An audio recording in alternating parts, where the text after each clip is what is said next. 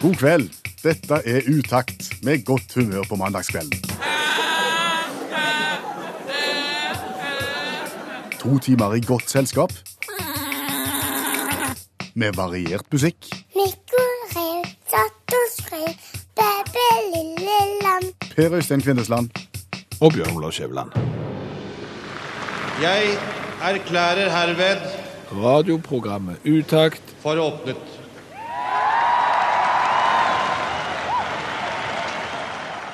Og påskeversjonen av Utakt har akkurat samme formålsparagraf som hverdagsversjonen av Utakt. Det har vi. Vi skal være godt selskap i påsken, og vi skal prøve å lage godt humør i påsken. Og vi håper du har det greit så langt i påsken. Og jeg regner med at du vet hvorfor påsken havner der han havner sånn rent kalendermessig, for det vet du. Ja, ja, ja. Det, det er relativt eh, enkelt og greit. Det var jo kirkemøte i Nikea, Ikea. og det må ikke forveksles med kirkemøte på Ikea, men kirkemøte i Nikea i år 325. De bestemte at eh, påskedag skulle være første søndag etter første fullmåne etter 21. mars. Stort enklere enn det kan det ikke bli. Du tenker etter vårjevndøgn, da. Mm, det er den såkalte påskeformelen. Veldig greit at de lagde en såpass enkel modell for å beregne det, tenker jeg. Ja. Som alle kan huske. Alle kan huske det. Ja. Det er ikke vanskelig i det hele tatt. Kunne vært dobbelt så vanskelig, egentlig.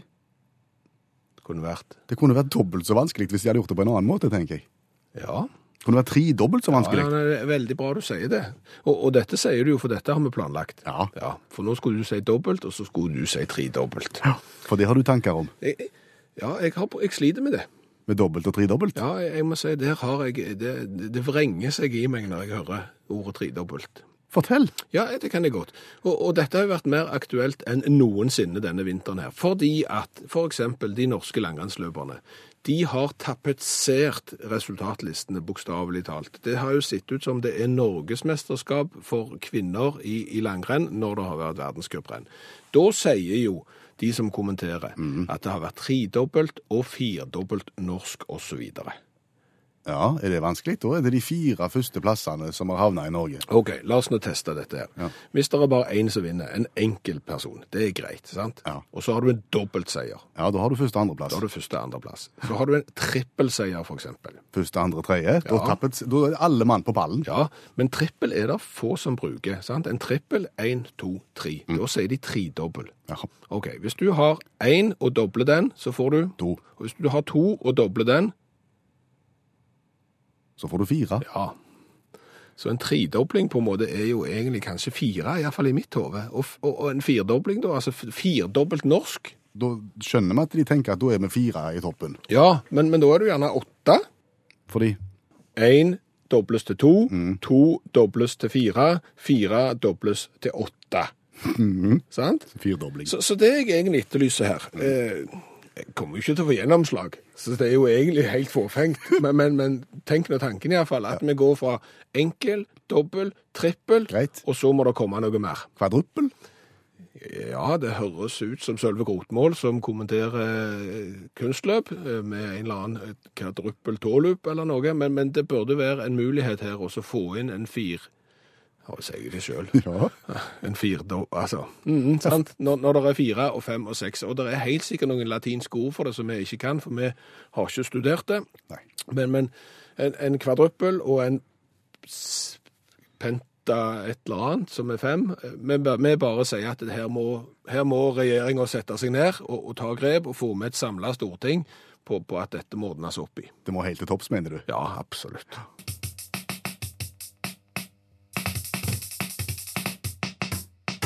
Og kanskje har du brukt dagen i dag til å sitte i solveggen med ei god krimbok? En, eh, en Nesbø eller en Adler Olsen eller en Dixon? Jeg vet ikke. Eller en En Dixon. Jeg er med på de første der. Adler Olsen, dansken, Nesbø, norske krimkongen og Dixon, den Franklin W. kjent for Ja, For, for en av de største krimforfatterne verden har sett. Iallfall med, med tanke på, på mengdebøker. tenker jeg. OK. Hardy-guttene. Hardy-guttene, ja. Ja, husker du Hardy-guttene? Vagt husker jeg Hardy-guttene. Jeg har lest noen av de bøkene når jeg var en 10-12 år, men eh, 110 i tallet. ja, så mange har ikke jeg lest. Nei. Hvor mange har du lest? 108. Du mangler to. Ja. Tenkte å ta de i påsken. Har du Får du tak i de da? Jeg håper det. Men, men, men dette var jo Hardy-guttene. Dette var jo eh, bøker om de to brødrene. Joe og Frank. Joe og Frank, Joe ja. yngst, Frank litt eldre. Ja, eh, som vi vokste opp eh, med. Og, og når du leste Hardy-guttene, Ja. satt du igjen med et inntrykk av at det du hadde lest, altså dette var reelle gutter? Ja, ja, det var jo det som gjorde det, og gjør det så spennende. Du, du føler at du blir sugd inn i et, et levende eh, lite småbymiljø i Amerika. Ja, ja. nei, for, det, for det var nettopp det. Jeg husker ikke veldig godt disse bøkene, men, men jeg òg husker det at det, disse guttene her, de fantes. Ja, ja, ja. Jeg så for meg hvordan de hadde det. Og det gir jo ganske interessante perspektiv, egentlig.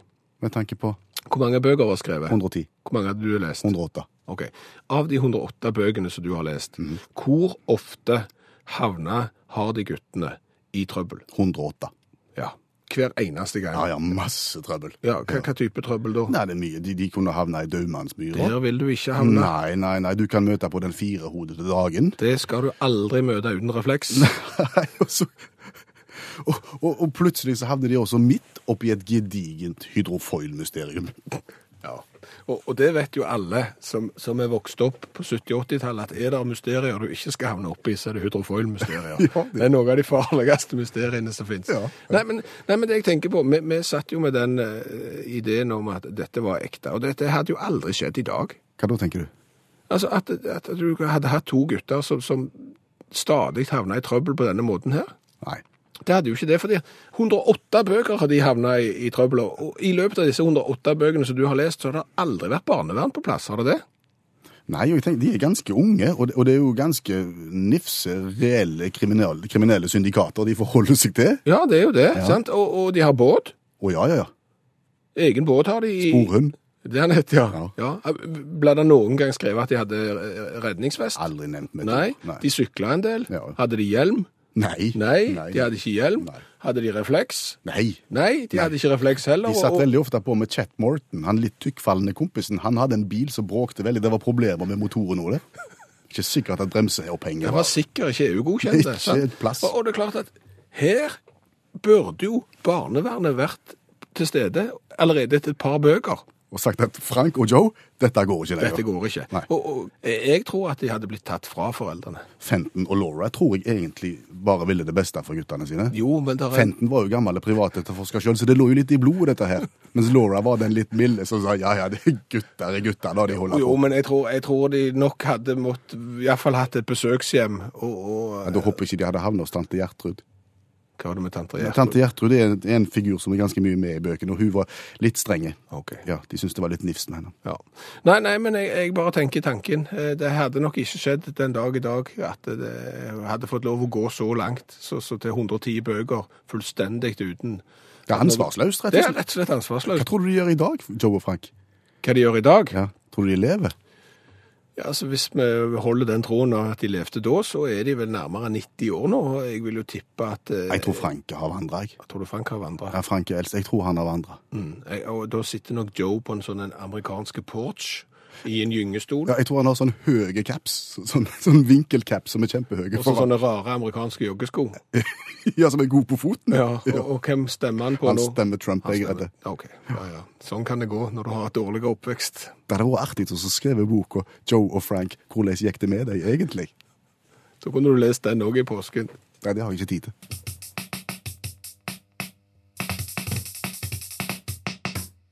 Og vi har eh, snakket om kvalitetskriminallitteratur i programmet Utakt i kveld. Vi har snakket om Hardy-guttene. 110 eh, eksemplarer utgitt. Eh, Noen av oss har vært gjennom 108 og skal bruke påsken til de to siste. Leser du krim? Ja, bortsett fra de gangene jeg tror jeg leser krim, men ikke leser krim. Da leser jeg ikke krim, for da leser jeg noe annet. Den tror jeg du skal ta en gang til.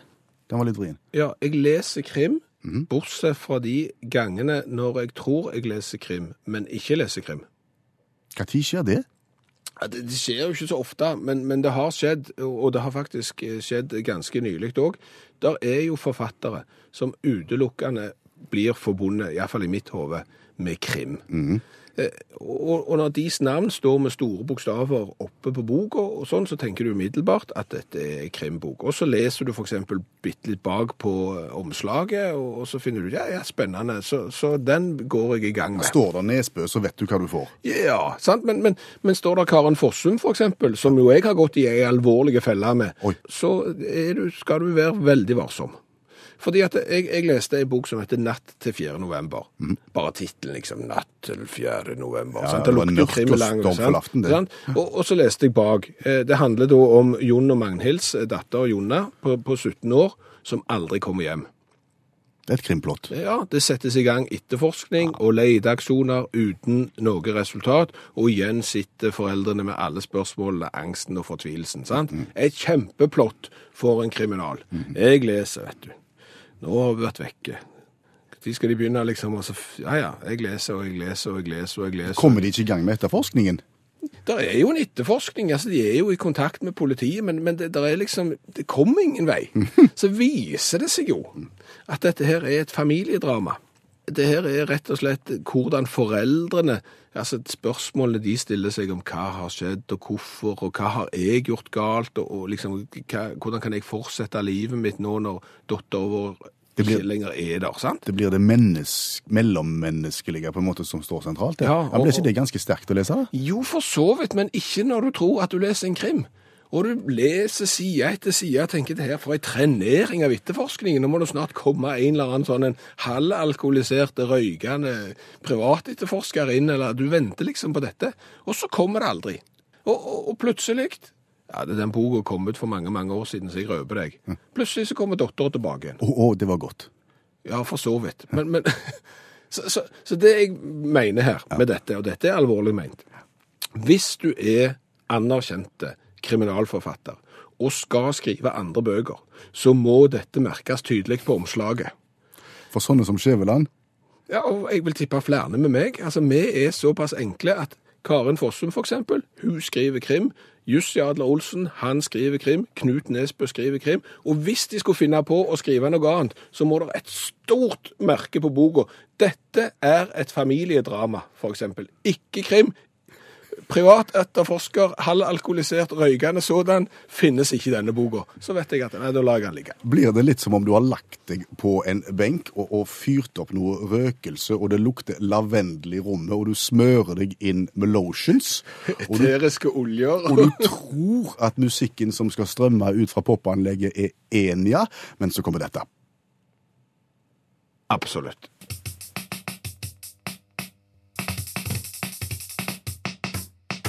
Du, kan jeg få lov å komme med en kunngjøring til alle som har tenkt å bryte seg inn i huset mitt i påsken? Det må du vel gjøre. Jeg er hjemme. Da er det sagt. Ja, nå har jeg sagt det på riksdekkende radio, sånn at alle som har tenkt å bryte seg inn i huset mitt eh, på Ålgård, jeg er hjemme i påsken. Hjemme påske. Og ikke gode å ha med å gjøre på lite søvn. Nei, det er jeg ikke. Eh, Og, og da er jo spørsmålet, hva skal jeg finne på? Ja. Vi snakker hjemmepåske, og det er første gang på lenge, har jeg skjønt? Ja, det er absolutt det, og spørsmålet er igjen, hva skal vi finne på? Men da har vi jo hjelp, for vi har jo alltid hjelp i utakt hver eneste mandag. Olav Hove, anmeldelærer med to vekttall i musikk, han kan hjelpe oss med ting som vi ikke kan svare på sjøl.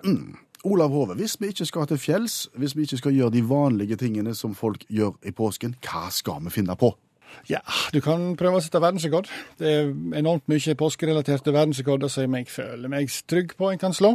Eh, men det er en til fallgruve eh, som jeg kan ta. Ok, Eh, Så hvis du er interessert nå i å bruke påsken til å sette verdensrekord, følg nøye med, for, Ja. for du kan gå i feller. ja, du må først så må du si fra til disse her Guinness rekordboka. Er det greit? Ja. Det må en gjøre. Og så er det en del andre formalier. Får en ganske stort dokument, les det. Fordi det er ikke alle som leser det. Eh, og da kan du sette verdensrekorder. Det finnes enkle verdensrekorder som, eh, som Kyle Johnson sin, eh, flest plastegg i ei hånd, 14. Eh, hvis det er små, så tenker jeg det skal gå greit. Det er ikke noen begrensninger på størrelse, så der kan du ha mulighet for å jukse. Så tenker jeg verdens største påskeegg på 7,2 tonn. Det kan bli vanskelig å få til nå, fram til skjærtorsdag. Men, det finnes det en hel haug der ute, da. Men som sagt, vær litt obs.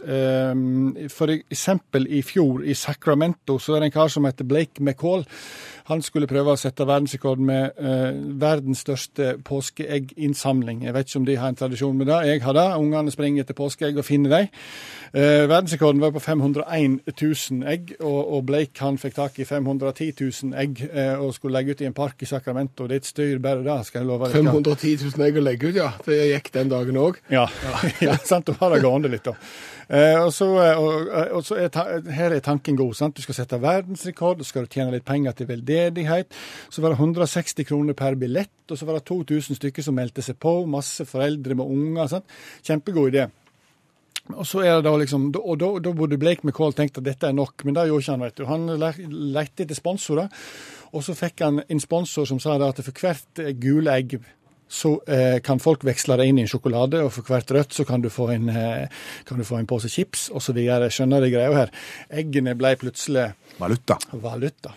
Ehm, og i tillegg til det så lå det en del fine turer til Karibien i noen av eggene. Uh, dette mente Blake var lurt å si på nyhetene kvelden før. For da tenkte han kanskje det kunne komme 2005, men de 2000 som hadde meldt seg på. De 2000 som meldte seg på, de kom, de.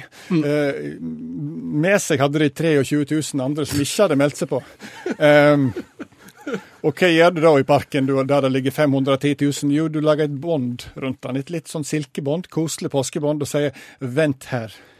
Så er det sånn at Hvis du er en av de 23 000 som ikke har meldt deg på denne påskeinnsamlingen, der du skal da i praksis eh, hente ut valuta, så pleier en drite litt i det. En gir blaffen rett og slett i om, det er, om en skal vente her og sånne ting. Så her var det eh, århundras største tjuvstart. Eh, folk dundra inn, reiv ned båndet, og eh, kampen var i gang. Usannsynlig mange menn uten unger som gjorde det stort. Eh, det ble dytting, det ble velting, det ble skriking og det ble hyling og, og ene med andre. Og reglene til Guinness rekordbok sier at en skal starte på likt. Så Blake han prøvde å eh, eh, Folkens! Eh, vent Men nei. 13 ble arrestert, 8 var kommet på sykehus med støytskader, jeg vet ikke hva det betyr. 36 fikk legehjelp på plassen, 800 plaster ble delt ut. Uh, heldigvis så sa Guinness at uh, vi driter i det der med Vi bryr oss om det der med tjuvstart, det er ikke så nøye. Men én ting sa Guinness rekordbok, det er at eh, når du skal sette verdensrekord med egginnsamling, så er det viktig at eggene blir lagt ut tre dager før. Jeg registrerer at de har lagt det ut to dager før, eh, så dessverre, vi kan ikke godkjenne eh, verdensrekorden. Men eh, god påske, alle sammen.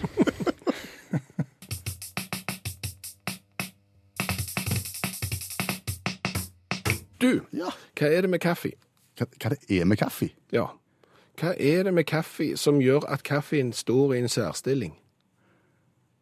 Altså, Jeg vet jo at kaffen står i en særstilling eh, med tanke på at det er det, den eneste drikken hvor vi sier så, så, så, så, så takk når vi blir det servert. Ja, det gjør han, Eh, men, men det er ikke der jeg vil.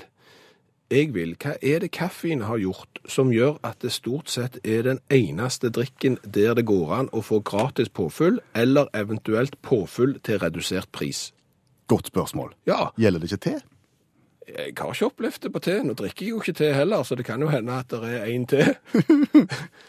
men, men, men, men du opplever svært ofte, og dette er jo gjerne på Faktisk på, på eh, konditori og, og, og den slags, så kan du få påfyll til redusert pris. Er du i en idrettshall f.eks., så kan du få gratis eh, påfyll på kaffen. Men ingenting annet. Det hender jo at du kan få gratis, eller påfyll av mineralvann. Jeg vet jo at en, en relativt stor svensk møbelkjede, som navnet ligner litt på, på den byen hvor de planla påsken for mange hundre år siden, Nikea. OK. Ja, så bohus du tenker på da. Nei, jeg, jeg skjønte den. Ja, Der, der kan du få gratis Ja, det, påfyll. det, det er faktisk noen restauranter òg som, som tilbyr gratis påfyll av brus. Men la oss si kaffe og av og til brus. da. Hvorfor er det ingen andre drikker som f.eks. tilbyr eh, påfyll til redusert pris? Og grunnen skal jeg fortelle deg til at jeg har tenkt på dette her, er at jeg var på et arrangement, og det må være lov å si, de serverte, serverte alkohol, de serverte pils der. Og, og, og da var det sånn at på et, visst, på et gitt tidspunkt så hadde de ikke mer glass igjen. Tomt for glass. Det var tomt for glass. Ja. Eh, og, og folk som hadde eh, lyst på, på eh, litt mer, de to, gikk da bort med glasset sitt, og så fikk de nytt oppi det glasset de allerede hadde brukt. Ja. Altså påfyll. Ja. Men fikk de redusert pris for det? Skulle de hatt det? Det kunne de hatt. i mitt hode. Fordi at hvorfor eh, ikke? Fordi at uh, antageligvis lovgivningen i Norge sier at det er ikke lov å gi eller selge alkohol til nedsatt pris. Ja, til nedsatt pris. Altså, Du vil oppfordre til drikking, det. Nei, ja, men la, la meg nå hjelpe deg bitte litt på vei her. Eh, I det ganske land, Norge, så er det jo stor, stor forskjell i pris på f.eks. en halvliter med pils. Ja. Jeg vet ikke hva lavest det er. Det er sikkert en 50-lapp en plass, eller noe sånt. Det dyreste er sikkert på flyplassen, der er det 2500. Sant? Så imellom der så er, er det jo mange priser. Så det argumentet ditt, det holder jo ikke mål. For eksempel, hvis du betaler 100 kroner for eh, en pils, så kan du komme tilbake med glasset, så kan du få neste til 50 for eksempel. Det vil være påfyll, og det vil jo ikke i mitt hode være noe ulovlig. Gjerne ikke gi det vekk, kanskje. Selv om det er sikkert ikke ulovlig det heller. Så, så jeg bare sier, nå må folk tenke litt ut forbi boksen av dere som serverer ting. Trenger ikke være alkohol, men, men, men dere som serverer andre ting enn kaffe. Hva med gratis påfyll, eventuelt påfyll til redusert pris? Du vet hva som skjer med nordmenn når noe blir sterkt redusert. Da blir de sterkt redusert.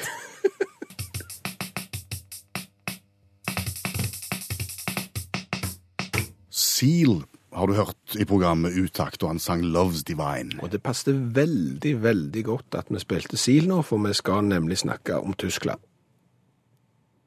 Da er det ikke alle som ser koblingen mellom SIL og Tyskland. Men det, Nei, men der kan vi hjelpe. vær så god. Eh, For SIL, han var jo gift med ei dame.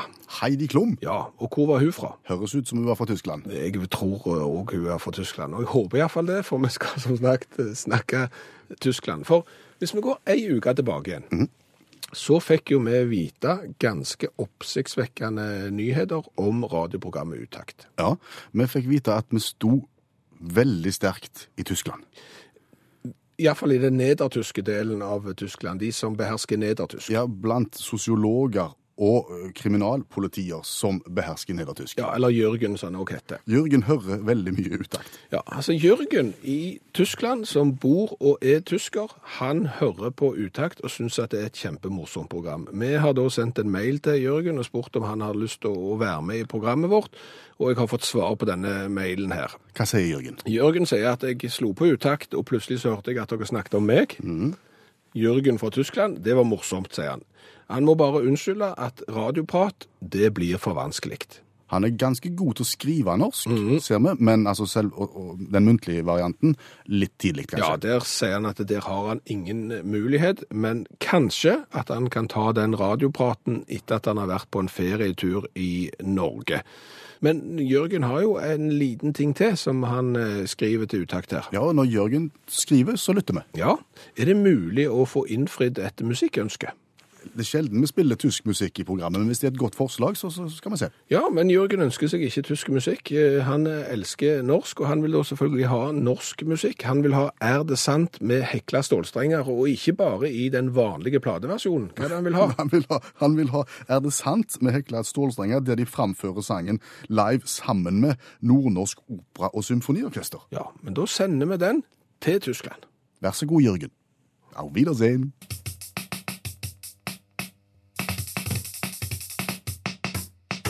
Hekla stålstrenger sammen med Nordnorsk Opera og Symfoniorkester sang Er det sant? på oppfordring fra Jørgen i Tyskland. Og så er det jo påske. Og i påsken så blir det jo konsumert eh, krimlitteratur. Det blir konsumert eh, krim på fjernsyn, og så blir det konsumert påskegodt. Hva velger du i posen? Nei, altså, jeg, jeg ser jo det at jeg er jo relativt eh, tradisjonell. Når jeg skal ut på tur, så er det det som begynner på Kvikk og slutter på Lunsj, som er et radioprogram i P1, fikk vi reklamert for de òg, og ikke for de som lager sjokoladen. Og så er det jo, jeg må si det, jeg er svak for påskemarsipan. Jeg vet det. Jeg er det. Ja. Jeg, det skulle vært gøy å visst hvor store mengder av den nevnte sjokoladen og påskemarsipan der går i en eh, løpet av en sesong. Jeg tror ikke det er få tonn. For det er tydelig at vi nordmenn vi, vi er ganske tradisjonelle når vi velger påskegodt. Ja, vi er det. Men Olav Hove, du er allmennlærer med tovektig musikk. Du har sagt deg litt inn i dette her med, med de valgene vi gjør i Norge med tanke på påskegodt, med tanke på de valgene en gjør i utlandet med tanke på påskegodt. Og det at vi nordmenn er tradisjonelle, det er kanskje ikke så dumt det, Hove? Nei, det er absolutt ikke, for det er blitt forsøkt, spesielt i år, med en del nye ting som har solgt dårlig. Som for eksempel Som for eksempel wasabi-sjokoladen. Har solgt dårlig. Eh, wasabi er jo sånn som du strør over eh, sushi. Ja, utrolig sterkt. Ja.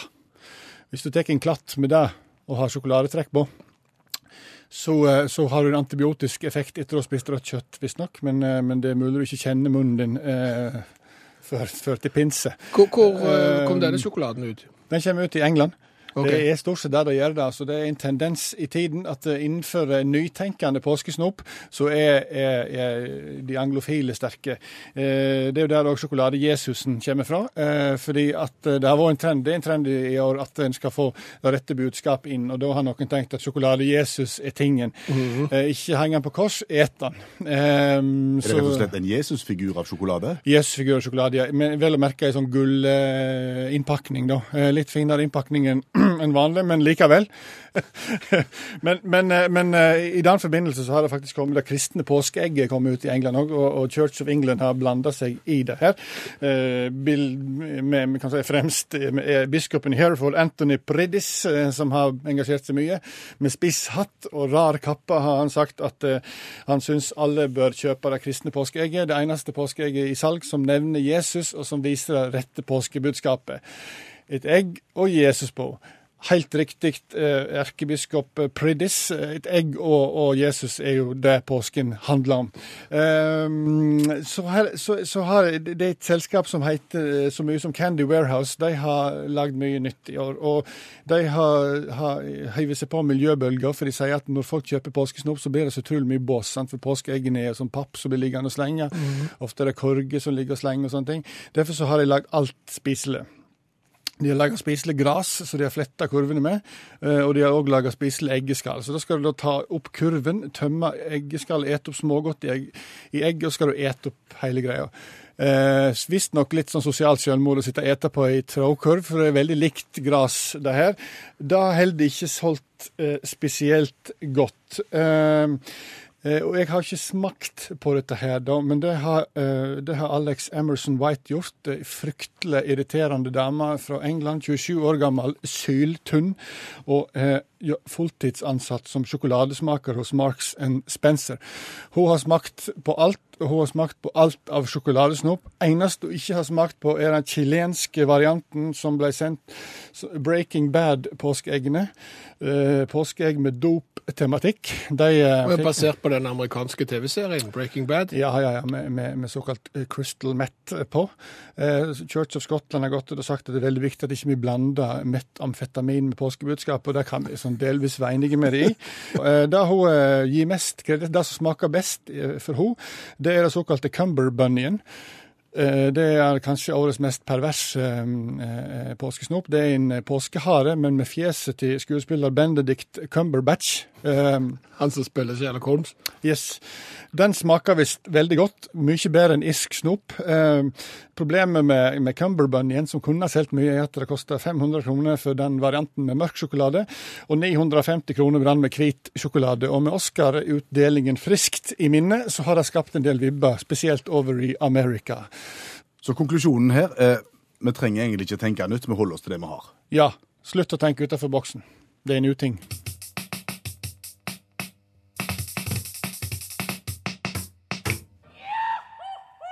Og et stikkord med tanke på alle de som deltar i Utakt sin konkurranse, Skjæveland, det er motivasjon. Ja, for vi har veldig lyst på motiverte deltakere, for da presterer folk best.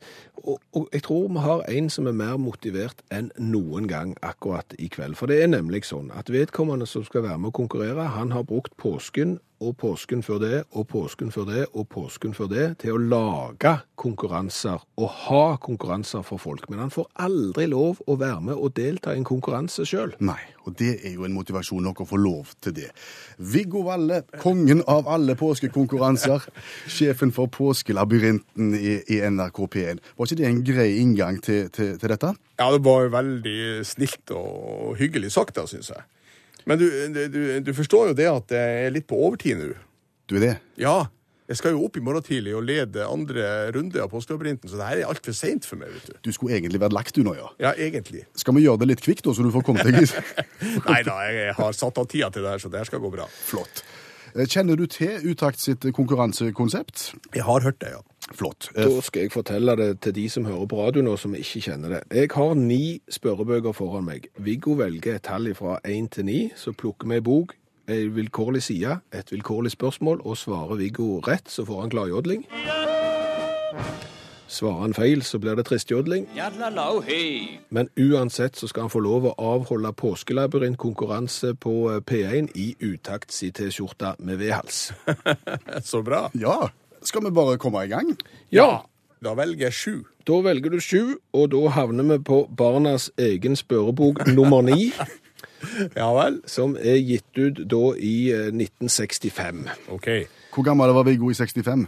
Da var jeg elleve år. Ah, ja, men da er det jo midt i blinken. Ja, du må skulle tro det. Ja, Vi satser på det. Der er 48 sider. Hvilken skal vi ta? Da tar vi 13. Det er jo et lykketall, så da går vi der. Og Ja. vi er innenfor kategorien noe for de minste. Spørsmål nummer 1 til 25. Hvilket skal vi ta? Ja, da må vi jo ta seks, da. Hvor mange dører skal åpnes i en adventskalender? Ja, Det er jo selvfølgelig en utfordring. Ja, det er ikke lett. Det er ikke lett. Man må telle på, på fingre og knoker og sånn. Nei da, det er jo selvfølgelig 24. Kjempestart, Viggo. Ja, veldig, veldig, Alltid godt å komme godt i gang. Sånn er det vel i påskelabyrinten òg, at eh, en god start er viktig. Det er veldig viktig å komme godt i gang. Derfor så velger vi deltakerne med omhu på, på starten. Hvor mye har du jobba i forkant av, eh, av at du starta opp konkurransen i dag? Nei, altså, jeg samler jo litt ideer over hele året. Jeg starter vel egentlig å jobbe med neste års påskelabyrint straks den første er ferdig. Eh, Men eh, sånn effektivt sett så har jeg permisjon fra jobben som programleder i frokostradio i P1 Pluss i seks uker i forkant av påska. Ja. Og da sitter jeg stort sett eh, på mitt hjemmekontor eller andre steder og prøver å komme på gode oppgaver. Og når hadde du påskeferie sist? I 1997. Ja, Var det fint vær, da? Ja, det var ikke så verst, men jeg hadde jo sterk abstinens da. Ja. Påskelabyrinten hadde jo pause i to år, 1996 og 1997. Så kom den tilbake for fullt igjen i 1998. Og de to årene så må jeg innrømme at Det var tunge år. jeg satt på påskefjellet og lengta etter å sitte i studio. Sier du det? Så bra. Da har vi to spørsmål igjen, og det er åtte spørrebøker igjen. Da må du velge én av de åtte. Ja, da får vi jo ta tre.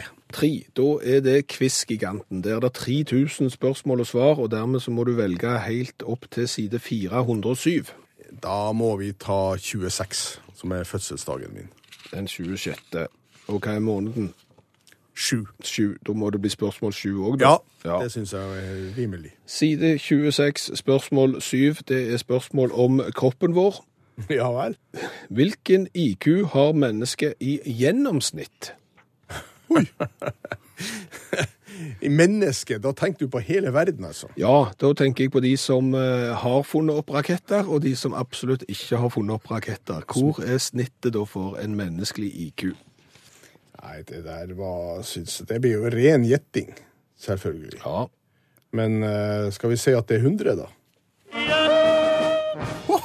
Akkurat Du verden! Nå imponerte jeg meg sjøl, altså. Ja. Cirka 100, ja. Yes. Blink, rett og slett. Det var flaks. Når du har påskelabyrint, eh, hvor mange lyttere pleier du å ha da? Nei, det, målingene de siste årene har vel ligget rundt en 800 000-900 000. Det er et voldsomt tall. Ja, men du vet, radiolyttinga i, i påska er jo ganske høy, men den er veldig varierende i forhold til været. Ja. Er det veldig godt vær på Østlandet særlig, der det bor flest folk tross alt, så går radiolyttinga ned. Så jeg håper jo på litt dårlig vær, egentlig, i påska. Skal vi gjette på en snau million som hører utakt nå, da? Skal vi bare sånn Ja, så gjerne, gjerne for meg. Ja. Da er det et spørsmål igjen, Viggo, og du har to rette av to mulige. Syv spørrebøker igjen. Hvilken skal vi ta? Da må vi ta fem. Jeg vet ikke hvor glad du er i idrett. Jo, eh, idrett er jeg veldig eh, glad i, og idrettsspørsmål har jeg jo. Eh, Jeg drev en spørrekonkurranse på radio på, i 1989 og 1990 som heter Spør om sport. Så er jo spørsmålet om du er god på Haugesundsfotball. Jaså. For dette er nemlig spørreboka som heter Fotballquiz. 707 spørsmål og svar om Haugesundsfotballen. OK. ja vel. En utfordring. 120 spørs sider er det her. OK. Da må vi ta 100, da. Skal vi se, jeg må bla langt bak. Det er ofte når deltakerne kommer til denne boka at det begynner å bli vrient, Viggo. Det skal du vite. Ja, det vil jeg tro. Skal vi se. Da er vi kommet til sesongen 1995. Okay. Eh, Og der er nemlig 18 spørsmål. Hva skal vi ta da? Da tar vi 12. I bortekampen mot Sarpsborg måtte keeper Per Andreas Hafthorsen ut med skade noen minutter før slutt. Hvem erstattet ham i mål? Var det A. Kenneth Høie, B. Ole Thomas Bjelland, eller var det C. Sjur Jarle Hauge som kom inn i kampen mot eh, Sarpsborg på bortebane? Ja, Det er jo selvfølgelig helt umulig. Det er jo bare Pondus som kan svare på sånne spørsmål. Og da det seg som regel om, om engelsk fotball. Men eh, tja Jeg vet jo ikke engang om Sjur Jarle Hauge var keeper. Han er ikke kjent for å være keeper, så det er oppsiktsvekkende hvis det var han. Det kan jeg si. Ja, nei, det kan vi jo utelukke han. Så var de andre to, sa du var Kenneth Høie, Ole Thomas Bjelland. Kenneth Høie. Han har jeg vel hørt om, har ikke det? Han er keeper. Han er keeper. Ja, men det må det jo være han, da. Oi, en finte. Ja, det Det var en finte. det var Ole Thomas Bjelland Ja. som, som kom inn og etter det vi har grunn til å tro, gjorde en kjempekamp de siste minuttene borte mot Sarpsborg når FK vant eh, 3-1 i 1995. Ja, nei, men altså, jeg er jo unnskyldt, for Haugesundsfotball har jeg ikke så veldig mye peiling på. Men hadde du derimot spurt om Bodø-Glimt eller Rosenborg, så hadde det jo vært noe helt annet. Jeg skal på Aspmyra stadion den 2. juli og se Bodø-Glimt mot Rosenborg. Og da skal jeg synge 'Og jeg veit meg et land'. Det skal du. Ja, og jeg skal ha med meg sønnen min og, og sønnesønnen min. Oh. Det er en dannelsesreise for sønnesønnen min på seks år. Han, han nekter å lære seg å synge 'Og jeg vet meg et land'. Han vil heller synge bildet til Ivers. På Aspmyra. Det går jo ikke, vet du. Det går ikke. i det hele tatt. Men tusen, tusen takk, Viggo, for at du endelig ville være med og konkurrere, og fikk lov til å være med og konkurrere. Så får du sette vekkerklokka på tidlig i morgen og ha lykke til i påskelabyrinten. Det var veldig hyggelig å, å- være med, og eh, jeg lar meg gjerne invitere igjen til utakt, for det er veldig hyggelig å bli intervjua av eh, rogalendinger. Ha en fortsatt god påske, Viggo Takk like likeså.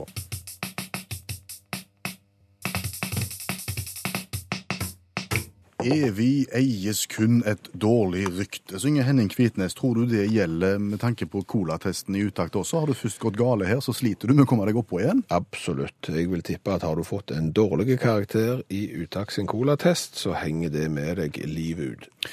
Ut forbi vinduet vårt her nå, så ser vi på hylla der alle flaskene står, som har vært igjennom. For Utakt liker å være det radioprogrammet i Norge som har smakt på mest cola fra hele verden, og den hylla er stor nå. Ja, vi har om lag 60 forskjellige colaer som vi har smakt på. Og nå er jo spørsmålet, Per Øystein. Tror du at det er mange nordmenn som har reist til Salomonøyene i påsken?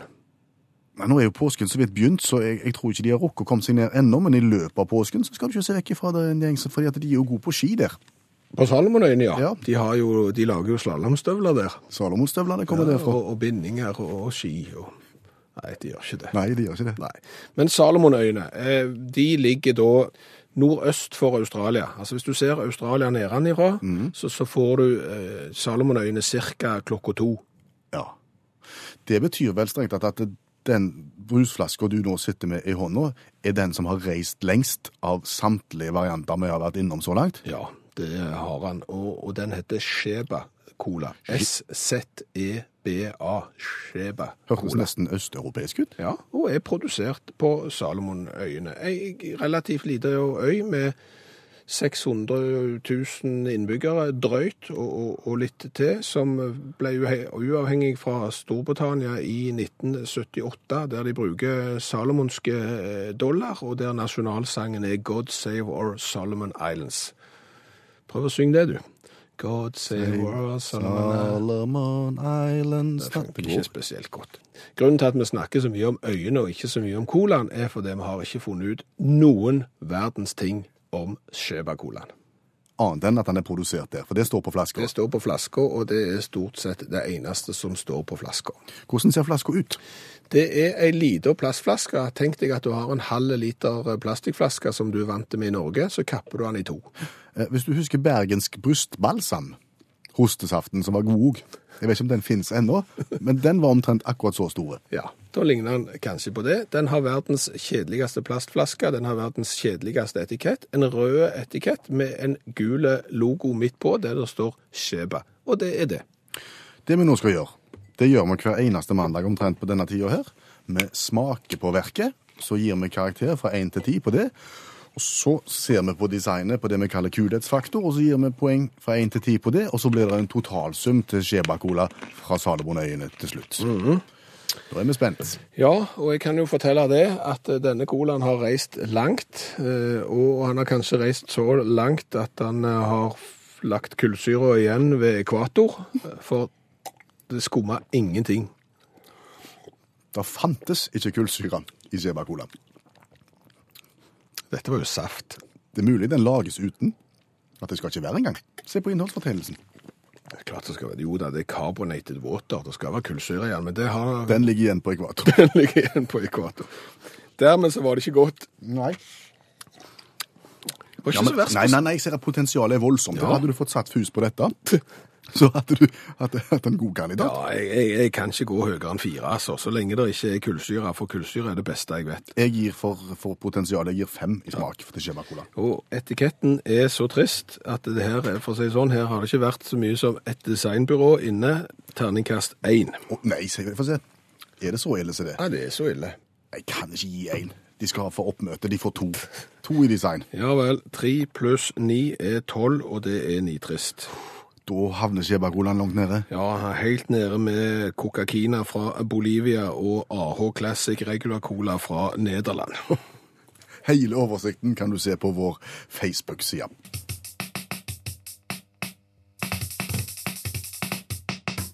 Darius Rucker var det, med Wagon Wheel. 你不会说中文吗？没问题的，语 takt 要教你。 Skjønner du ikke kinesisk? Ingen problem, utakt vil lære deg. Det er det Kjersti Hetland sier på vignetten her, bare at hun sier det på kinesisk. Ja, og det fine med kinesisk er jo at det, de sier ting på en helt annen måte enn det vi gjør. Men kan, det kan åpne øynene våre. Absolutt. Og heldigvis så har vi med oss altså Kjersti Hetland, som er ekspert på dette, som kan hjelpe oss litt. God kveld, Kjersti.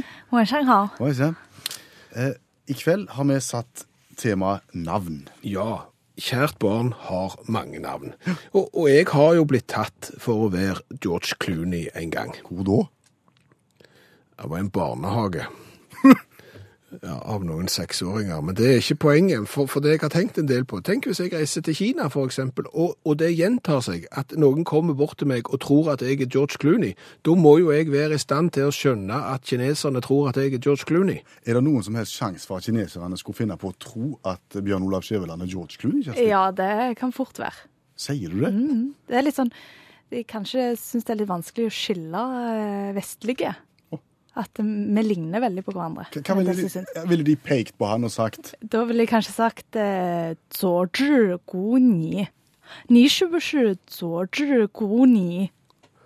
Hadde du tenkt jøss, yes, jeg ligner på George Clooney hvis de hadde sagt Hadde jeg sagt er det lang vei til vårrullen, hadde jeg tenkt, men eh. Ja, men det finnes jo andre eh, kjendiser du kunne ha ligna på. Mm -hmm. For eksempel Bola de Pitø. Brad Pitt? Yes. Bolade. Bolade. Flere eksempler? um, vel, vi har jo kona. Angelina Jolie. Ja, Det er jo lett. Den er ganske bra. De bare sier det litt seinere. Ja. Og så er det en artist som faktisk eh, var veldig populær i Kina. En av de første store vestlige artistene som ble kjent i Kina etter de åpna opp. Og det er Michael R. Xun. Klarer du den, Skjæveland? Ja, det, det, det må være Michael Jackson, men jeg bare ser for meg når de står på konsert der, eksempel hvis Michael Jackson gikk på scenen i, Beijing og ropte på han og ropte. Kjemperytmisk og fint. Men du, eh, norske kjendiser da, er de eh, populære i, i Kina, og, og, og hvordan vil deres navn være? Em, vel, uh, den mest kjente nordmannen i Kina, det tror jeg er faktisk må være Hong Heng Like i Bosheng. Men han er ikke i live lenger, for å si det sånn. Helge Ingstad? Nei. Heng Like i Bosheng. Ja, det er Henrik Henrik Ibsen. Ibsen. Ja! Selvfølgelig. Da du sa han var død, da klarte vi det. Ja, Et dukkehjem, det er det mange kinesere som har lest. Mhm. Det var pensum under Mao. Var det pensum under Mao? Ja, ja, ja, Hvor ja, gikk ja, Nora ja. hen da? Fulgte den røde elven. Eh, men vi har en annen som fremdeles er i live, da. Eh, Yao En Fose. Jon Fosse. Ja. Ja. Han òg er ganske stor. Er han pensum nå, han? Han er vel kanskje pensum nå. Men du, eh, sånn som ditt navn for eksempel, når de oversatte Kjersti, så fikk jo det en betydning. Altså, de, de oversatte ikke Kjersti, de ga deg på en måte et navn som sa noe om deg. Litt sånn som jeg tenker indianerne gjør. Du hadde He Sjøland, som betyr Rød, det er etternavnet gratulerer. Sjøland, snøorkidé, som er mitt fornavn. Så snøorkideen som sitter i studio her nå. Men, men noen av disse kjendisene, har, har de noe sånn, eller bare oversetter de de for å få vekk alle konsonantene? Ja, for det som jeg har lest opp nå, det er jo sånne som har blitt eh, oversatt eh, basert på hvordan det uttales. Men eh, tegnet når du skal skrive ned det, det har jo en slags betydning. Det er ikke alltid det har en det gir noe mening når du setter det sammen. Men eh, vi har eksempel eh, eh, Tangmo Kølusi Tangmo. Tangmo, Det er Tom Cruise, hører du. ja. Tangmo Calusia. Og hvis vi skulle oversatt hans fornavn, så betyr det da suppebestemor. Tangmo. Så den største action, den største actionhelten i amerikanske filmer, det er suppebestemor i Kina. Men, men det største eh, Han er vel fra Hongkong, eh, Bruce Lee. Ja. Han har jo et ganske bra kinesisk navn. Bruce Lee.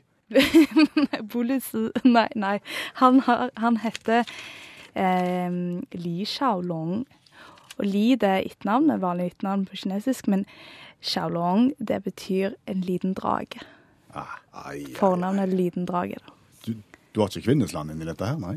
Nei, dessverre. Kanskje vi skulle oppfordre noen til å prøve å finne navn til dere på kinesisk? jeg kan ta suppebestemor, jeg, hvis det kniper. Tusen takk for at du er med oss, Kjersti, og fortsatt god kveld.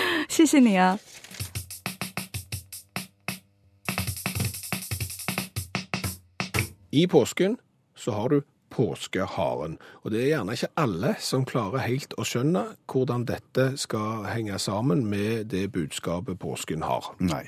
Vi tok opp dette med vår eh, faste hjelper i dette programmet, allmennlæreren med to i musikk, som heter Olav Hove. Temaet påskeharen. For, for, for Hove, det er jo sånn at påskeharen den står sterkt over hele verden, med ett unntak. Ja, New Zealand er et unntak. Påskeharen står ikke sterkt på New Zealand. Nei, Haren står sterkt, men ikke påskeharen. Eh, det er mye hare på New Zealand, de vet kanskje det.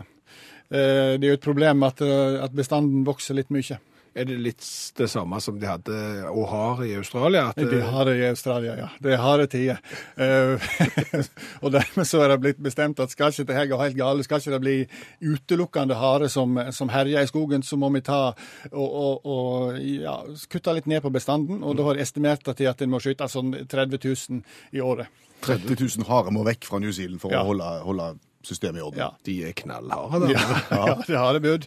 Og, eh, og det, dermed så ble det bestemt her eh, i 2008 sånn cirka at en, eh, en skulle, en skulle mm, skyte ned bestanden da, med 30 000 i året. Da, de, de formerer seg jo fort, så du kan si det sånn at de må gjøre et innhogg, da. Um, og, og, og da, da, da fant jeg ut at vi skal gjøre det fortest mulig. Men vi inn, vi får tak i 500 jegere, og så skyter vi de bang, ferdig med det, så er det gjort.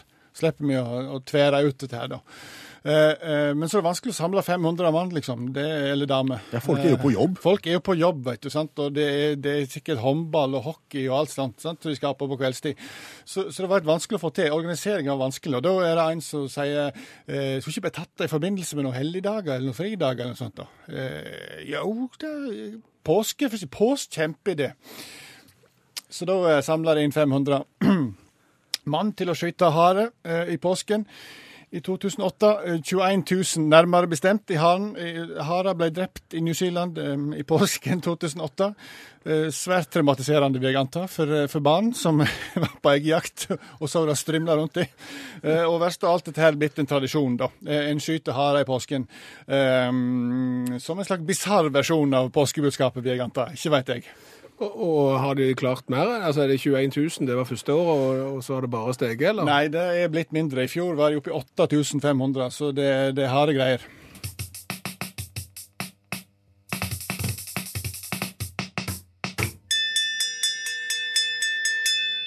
Utakt leser høyt fra boka 'Norges morsomste vitser'. De beste vitsene fra NM i humor. Kortvarig glede. Ola og Kari var et eldre ektepar.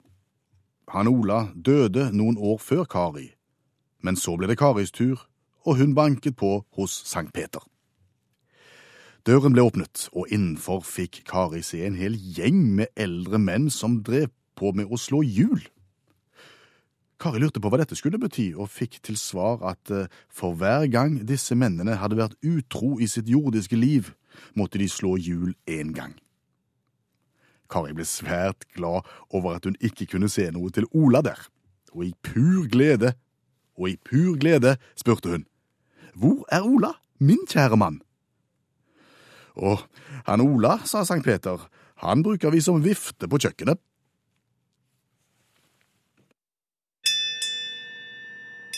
Du har hørt Utakt lese høyt fra boka 'Norges morsomste vitser'.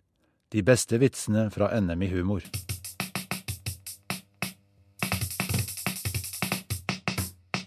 Det var Sval med sangen Tilbakefall. Og det passet veldig, veldig godt for det vi skal snakke om nå. Vi er heldige med musikken i dag. Ja, veldig, fordi at sval Vi ønsker jo alle en fortsatt sval påske. Sval påske? Ja, sval det er godt temperert, ikke for varmt og, og ikke for kaldt. Så, så håper alle får en fortsatt sval påske. Og apropos tittelen på sangen, 'Tilbakefall'. eh, Utakt vil òg være tilbake om ei uke. Andre påskedag. Ja, det var ikke god. Det var ikke han greie, det? Jo, det var det fiffig. Ja. ja.